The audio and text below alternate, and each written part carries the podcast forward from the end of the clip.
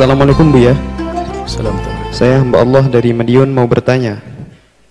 Saya ada penyakit di telinga dan obatnya itu obat tetes.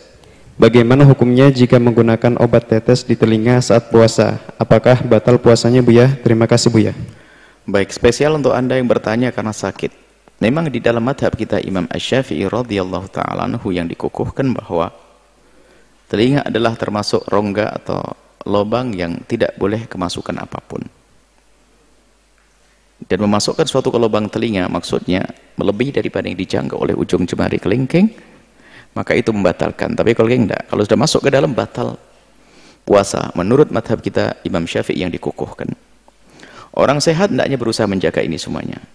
Tapi kalau orang punya kasus seperti Anda, maka ini selain dari madhab Syafi'i, kayak madhab Imam Malik rahimahullah atau Anda mengikuti Imam Ghazali dalam madhab Imam Syafi'i, Imam Ghazali dalam madhab Imam Syafi'i mengatakan tidak. Nggak apa-apa telinga. Tapi ingat anda tidak boleh main-main urusan ibadah ini harus patuh ke ulama ulama yang memahami nas.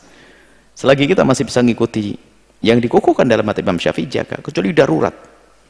Ada suatu masuk telinga anda harus diambil dimasukkan. Maka ikut pendapat yang mengatakan bahwa memasukkan suatu ke lubang telinga tidak membatalkan puasa. Dan itu sesuai dengan madhab selain madhab Syafi'i seperti madhab Malik adapun kalau madhab dari madhab Syafi'i ulama Syafi'i adalah Imam Al-Ghazali rahimahullah. Dan memang Imam Ghazali banyak pendapatnya yang sesuai dengan madhab Malik.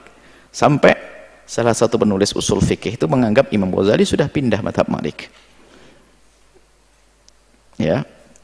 Itu jadi untuk Anda tidak batal puasa, lanjutkan puasa Anda dan obati telinga Anda insya Allah. Tapi kalau sudah sembuh, Anda kembali kepada madhab Imam Syafi'i radhiyallahu taala Selagi masih sakit, Anda tetap ikut madhab Syafi'i tapi pendapatnya Imam Ghazali rahimahullah taala. Kalau anda nggak pengen pindah madhab seperti itu. Ada kemudahan hendaknya dihadirkan. Wallahu a'lam bishawab